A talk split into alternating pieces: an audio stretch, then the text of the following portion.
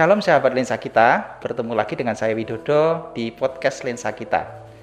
Pada episode kali ini kita masih berbicara tentang sekitar bulan keluarga di Sinode GKMI.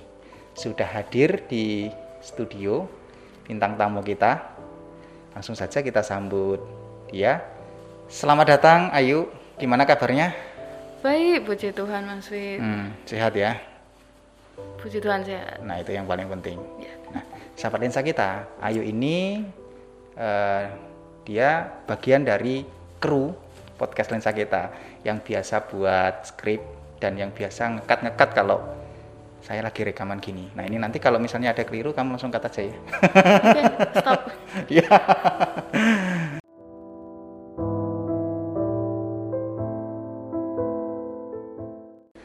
Sahabat lensa kita, sebagaimana kita ketahui dan masih kita jalani bersama bahwa hari-hari ini, terutama kita yang tinggal di Jawa dan Bali, masih menjalani masa-masa PPKM. Yaitu kita harus ditinggal di rumah, harus mengurangi mobilitas, dan menjauhi kerumunan. Itu sebenarnya untuk kebaikan kita semua. Nah, dalam situasi seperti ini, menuntut kita itu lebih banyak dekat dengan orang-orang yang kita kasih kita punya banyak waktu dengan keluarga kita tentunya ya. Dengan orang tua dengan anak saudara dan lain sebagainya. Nah Ayu dalam kondisi seperti ini kira-kira responnya Ayu gimana sih? Um, ya rasanya penyesuaian itu drastis ya maksud karena di awal sebelum pandemi itu rasanya ya normal itu jadi sesuatu yang biasa, mm-hmm. tapi begitu kita merasakan uh, adanya pandemi ini, mm. baru kita berpikir, oh dulu enak ya, ini ternyata kondisinya seperti ini, uh, begitu. Uh, Nah sekarang kan harus dibatasi ya, yeah. maksudnya uh, dibatasi dalam banyak hal gitu ya, bertemu orang, kemudian kegiatan-kegiatan di luar, bahkan studi juga ya, kuliah juga sekarang online ya. Iya. Nah, um, se secara pribadi sebagai um, mahasiswa um, paling terasa karena dulu mungkin berpikiran waktu pertama kali masuk ke pandemi, oh belajar di rumah. Hmm. Tapi semakin jalannya waktu sudah setahun lebih. Jadi biasa ya. Rasanya kok. Hmm, Gimana? Jadi di rumah terus. Dalam situasi dan kondisi seperti ini, itu kan menuntut kita tetap di rumah. Tentunya bosan, ya kan? Lalu apa sih aktivitas selain aktivitas yang menjadi kewajiban kita? Artinya kan Ayu kan sebagai mahasiswa, artinya kuat aktivitas belajar online itu kewajiban gitu kan. Iya. Nah, selain kegiatan yang merupakan tanggung jawab kita yang kemudian bisa mengurangi kejenuhan gitu, kira-kira apa? Um, secara pribadi yang bisa dilakukan ya, um, apalagi kalau di rumah nggak nggak dengan teman ya nonton film hmm. mungkin atau hmm. cuma um, membaca buku atau apa. Ah. Tapi yang karena di rumah bersama keluarga hmm. hanya dengan orang tua ya ah. kegiatan itu um, kemudian dibaginya dengan orang tua karena nggak bisa dibagi dengan teman dibaginya yeah. dengan orang tua. Uh. mungkin nonton TV uh. tapi komennya diskusinya uh, dengan orang tua. tua itu ya nah itu salah satu cara untuk mengatasi kejenuhan ya. Iya. Ya, nah, itu salah satunya itu. Ayu ini kan anak tunggal ya. Iya. Artinya nggak punya nggak ada saudara itu saudara kandung maksudnya. Kakak adik. Yeah. kayak teman-teman kalian ini ada yang bersepuluh bersebelas. Jadinya rame di rumah. Nah dan yang kedua, Ayu itu tinggalnya dengan opa ya, opa dan oma ya, iya. opa dan oma nggak nggak bersama dengan papa dan mama.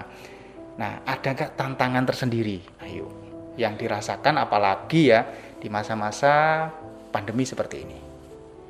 Yang terutama ya rasa jenuhnya itu, maksud karena ya sebagai uh, anak tunggal yang nggak ada saudara, mm -mm. jumlah orang di rumah sedikit, sedikit. dan ya kurang variasi. Iya iya iya. Uh. Um, tapi selain rasa jenuh itu juga um, rasanya apa ya? yang terasa setiap hari itu rasanya sama begitu. Sama Jadi- seperti sebelum pandemi ya? Bukan, maksudnya Oh, oh, eh, sehari-hari eh, setiap hari ganti hari itu rasanya oh, oh. monoton rasanya- gitu ya? Iya, monoton. Ya udah kegiatannya Heeh. itu-itu saja, tapi juga rasanya cepat gitu kayak Hmm. sudah tahu-tahu hari Udah minggu berganti lagi. hari, berganti bulan gitu Minggu ya. lagi, iya. Ah, iya, iya. Nah, Ayu sebagai seorang anak tunggal dan tentunya punya pengalaman pengalaman tersendiri dibandingkan dengan teman-temanmu yang punya saudara banyak gitu ya. Teman misalnya pengalaman berantem dengan saudara itu kan Ayu nggak nggak ada nggak ada pengalaman itu atau atau mungkin ada ada pengalaman lain gitu ya. Artinya sebagai anak tunggal apa sih yang yang paling membahagiakan gitu ya? Yang membahagiakan sebagai anak tunggal itu eh, mungkin teman-teman yang punya kakak atau adik lebih tahu, tapi sebagai anak tunggal di rumah Hmm. khususnya nggak ada yang dibandingkan atau jadi apa ya Pembanding? Ek- ekspektasi. Oh, ya, yang ya. menjadi Ah, ekspektasi ah. kayak oh kakakmu dulu begini, begini kamu harus seperti kakakmu iya, gitu ya. gitu. kemungkin yang kedua eh, kalau punya makanan nggak dibagi-bagi ya. Kan bisa nikmati sendiri ya. Nggak berebut ya. Makanya gemuk waduh. Itu kan itu lain ceritanya. Nah itu kan hal yang membahagiakan. Tetap, tentunya ada hal sebaliknya. Iya. Nah sebagai seorang anak tunggal apa yang ayo rasakan? Em, tentunya ada rasa lebih kesepian ya Maksud- Oh. em, mungkin karena kalau ada saudara mungkin ada yang ya mungkin perasaannya kalau diajak berantem sama saudara terus mungkin nggak enak tapi Hmm. kalau sebagai anak tunggal malah nggak ada yang bisa diajak berantem Hmm, itu satu Maksudnya, ya. iya. Mungkin juga ini ya, kalau mungkin saya pernah dengar itu nggak ada teman yang diajak eh, berbagi berbagi cerita gitu ya, iya berbagi yang masalah gitu punya ya. sudut pandang yang sama Iya, dalam eh, segi usia atau kayak heeh. em, mengerti lah perasaannya di rumah itu Hmm. Artinya kalau ada apa-apa di rumah ya memutuskan sendiri ya kan?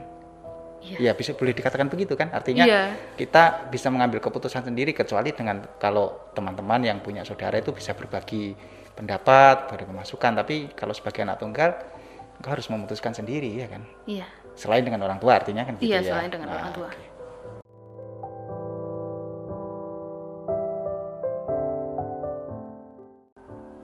Firman Tuhan juga mengatakan berkaitan dengan relasi antara anak dan orang tua. Bagaimana kita berrelasi dengan orang tua kita, firman Tuhan juga mengatur di dalamnya. Coba kita buka dari Efesus pasal 6 ayat 1 sampai 3. Saya akan membacakan ya yuk. Efesus pasal 6 ayat 1 sampai 3. Hai anak-anak, taatilah orang tuamu di dalam Tuhan. Karena haruslah demikian. Harusnya. Ini harus. Ayat yang kedua dikatakan, Hormatilah ayahmu dan ibumu.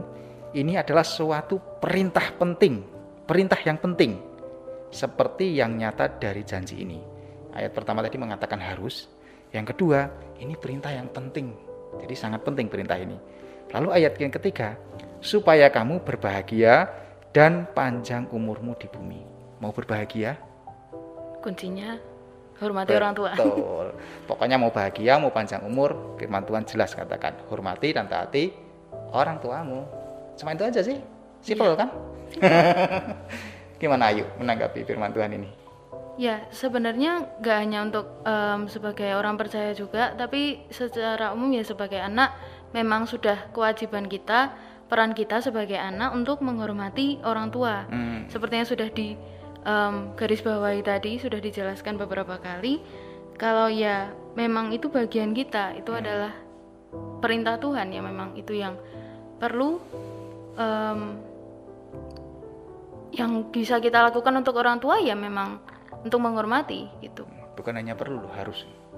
ya harus Firman kata Tuhan mengatakan harus Iya. menghormati orang tua.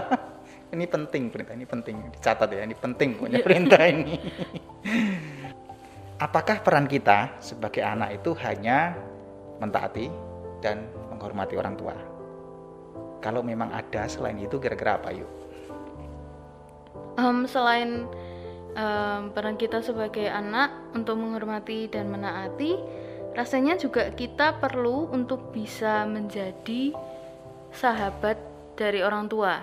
Oh, Karena kita mendengar em, sebagai orang tua, orang tua itu harus men- bisa menjadi sahabat anak, Hmm. em, mendengarkan eh, apa yang menjadi permasalahan anak. hmm. Tapi eh, kalau aku merasa juga ada perlunya sebagai anak kita bisa menjadi tempat orang tua, eh, bisa menjadi orang yang mendengarkan orang tua. Hmm. Eh, mungkin eh, orang tua merasa oh anak tidak perlu tahu masalah yang sedang dihadapi orang tua dan itu tidak apa-apa. Cuma em, mungkin bagi anak yang bisa eh, sudah mampu untuk bisa mendengarkan itu baik kalau ada komunikasi itu supaya terjadi dua arah antara orang tua dan anak. Hmm. Orang tua mendengarkan apa yang eh, dialami anak, tapi juga anak bisa menjadi tempat keluh kesahnya orang tua. Hmm. Hmm. Begitu. Nah, jadi menarik ya. Artinya bukan hanya sekedar taat, hormat, tapi menurut Ayu anak itu juga harus bisa menjadi sahabat bagi orang tua ya. Iya, karena sebagai anak juga kita senang kan mendengar kalau oh Iya. orang tua punya cerita ini Aha. atau punya kabar begini kan Aha. sebagai anak juga kita merasa oh ikut senang kalau Ah. orang tua dalam keadaan yang juga bahagia atau ada yang membuat tenang begitu. Hmm. Keren. Jadi jadilah sahabat bagi orang tua, Ya. orang tuamu. Oke. Lalu ini tadi kan teori. Artinya teorinya begitu gitu ya, harus mentaati. Sekarang eh, prakteknya gitu kan. Supaya sahabat lensa kita juga ngerti apa sih bentuk nyatanya, realnya menghormati orang tua, taat kepada orang tua itu contohnya kayak mana? Menurut versinya Ayu. Ya, yang bisa dilakukan eh, kita sebagai anak, rasanya ya em, selain menuruti yang diperintahkan orang tua atau yang di eh, dikatakan orang tua itu kita menurut, kita juga bisa tidak menyia-nyiakan yang sudah diberikan orang tua, karena orang tua sudah memberi kita banyak, memberi kita waktu, memberi kita em, tenaga, memberi kita kepercayaan uang, dana, ya kan? kepercayaan Nah, itu, kan juga menyangkut semuanya kan waktu Iya, menyangkut uang itu semuanya. kan kepercayaan diberikan kepada kita Iya, ya kita eh, tidak boleh apa ya menyanyiakan Ah, ah. uang itu kita sebagai anak harus tahu kalau eh, yang orang tua lakukan buat kita tuh mem- membuang waktunya, memberikan tenaganya Ah, itu ah. untuk kita Ah, kita tidak boleh menyanyiakan itu. ah. jadi salah satu contoh realnya adalah bertanggung jawab Iya. atas apa yang sudah dipercayakan orang tua kepada Iya. kita kepercayaan itu bisa waktu bisa uang bisa fasilitas-fasilitas lain yang dipercayakan kepada kita itu salah satunya harus bertanggung jawab Iya.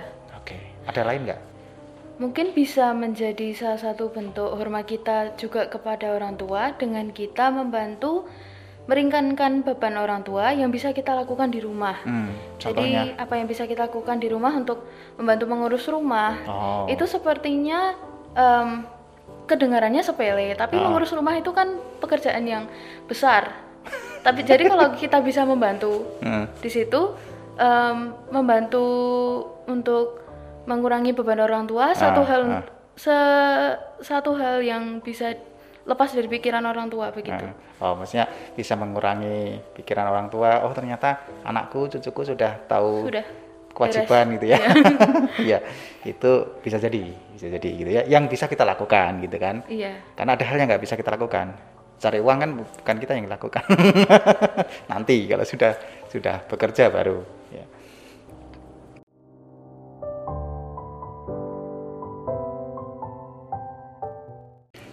Oke Ayu, kita sudah sampai di penghujung episode podcast lensa kita kali ini.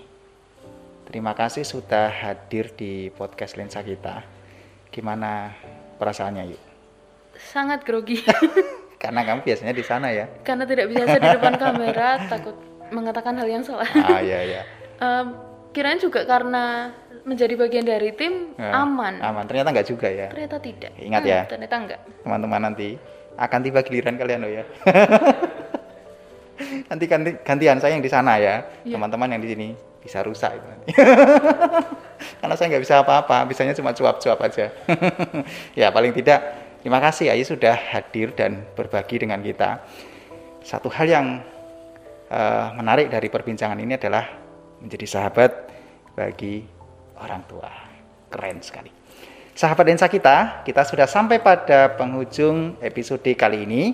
Kita sudah berbincang-bincang dengan bintang tamu kita yang adalah tim dari podcast lensa kita sendiri.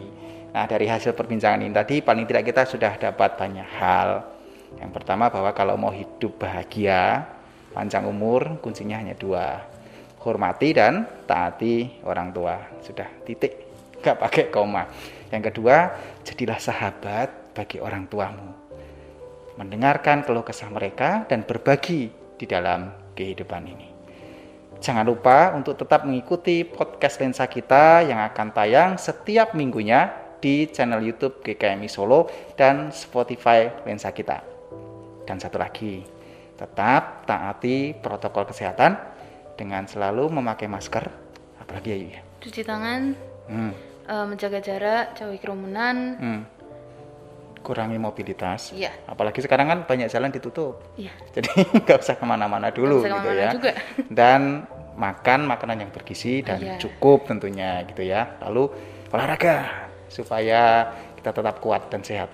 Dan satu lagi yang paling penting tetap berdoa dan memohon kepada Tuhan supaya kita tetap dijagai, dilindungi oleh Tuhan. Sampai jumpa sahabat lensa kita pada episode berikutnya dan Tuhan Yesus memberkati.